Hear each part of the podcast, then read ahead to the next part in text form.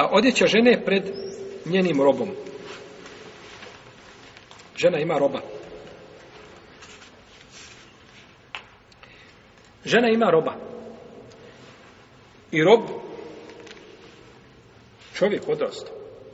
Jel u redu? Neće uvijek biti dječak mali. Rob odrastao. I kako će se žena odjevat pred tim robom? Ovdje u ajetu uzvišeni Allah kaže Ola jubdine zinete hun i neka ne pokazuju ukrasa svoje i spominje i kaže Eu ma meleket eimanuhun ili ono što posjeduje njihove ruke misli se na robove ono što ima u svoje posjeduje svoje na robove znači smije pred robom pokazati šta ukras rob ima 20 godina a ona ima 26 i ona smije pred njim da iziđe kosom a, pokaže mu nadlaktice pokaže mu dio potkoljenica i tako da. Tako ajet kaže tako ajde kaže. Ako, mi smo sve prije išli ovim ovom logikom ajde, sjećate se. Kako je ovo, tako, svi su u istom propisu. Ovdje u propisu jednom babo i muž i šta? I robovi. Kažemo, nije za roba tako. Onda će mi neko kazati, u redu, ti si roba izdvojio iz tog konteksta, šta ti je dokaz?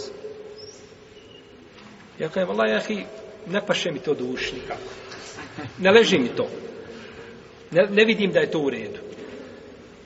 Ne vidim da je to u redu. Možda je to argument, ne vidim da je to u redu. A nije ljudski ukusi se razlikuju. Svaki čovjek ima svoj ukus. To kad bilo po ukusima, vi biste našli stradan džamiju na krovu. Je tako? Oni koji bi zavljali da je ovo naopačke, da je, da je ova munara gore usađena ovako, meni bila ljepša. Je tako?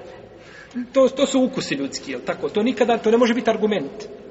Ne, rob je u propisu ovih ljudi. Pa žena se pre svojim robom ne mora pokriti musliman kad se znači koji ima svoga roba, ne mora se znači pred njim zbog potrebe stalnog kontakta. Jer on je u kući, radi, služi, jel tako, uvijek, znači zbog tog došla je olakšica, znači u šarijetu. Nije olakšica došla od nas, braću, mi smo mi kazali. To je Kur'ana kao ajet, jel u redu.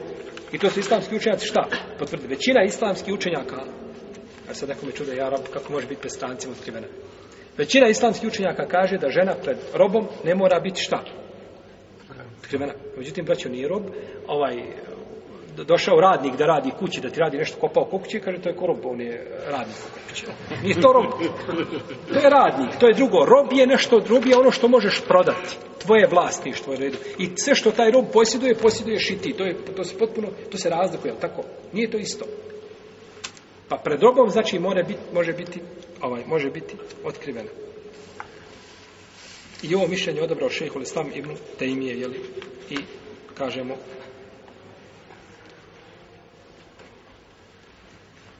većina islamskih učenjaka.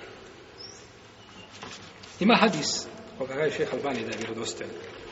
U Debu Davu da je on ima dobar lanac prenosilaca, da je jedne prilike poslanik sam sam poklonio fa, Fatimi, roba, pa je potrčala i uzela odjeću. I kada pokrije glavu, noge se otkriju. Kada spusti na noge, ode, znači, nije imala dovoljno odjeće da se pokrije vidjela roba, ne mogu, ne mogu ja pred tim biti, viš koliko je to? Pa je rekao poslanik, pa kaže, nema smetnje, kaže, kaže, radi se o tvome babi i tvome robu. Radi se o tvome babi i tvome šta? Robu. Hadis jasan.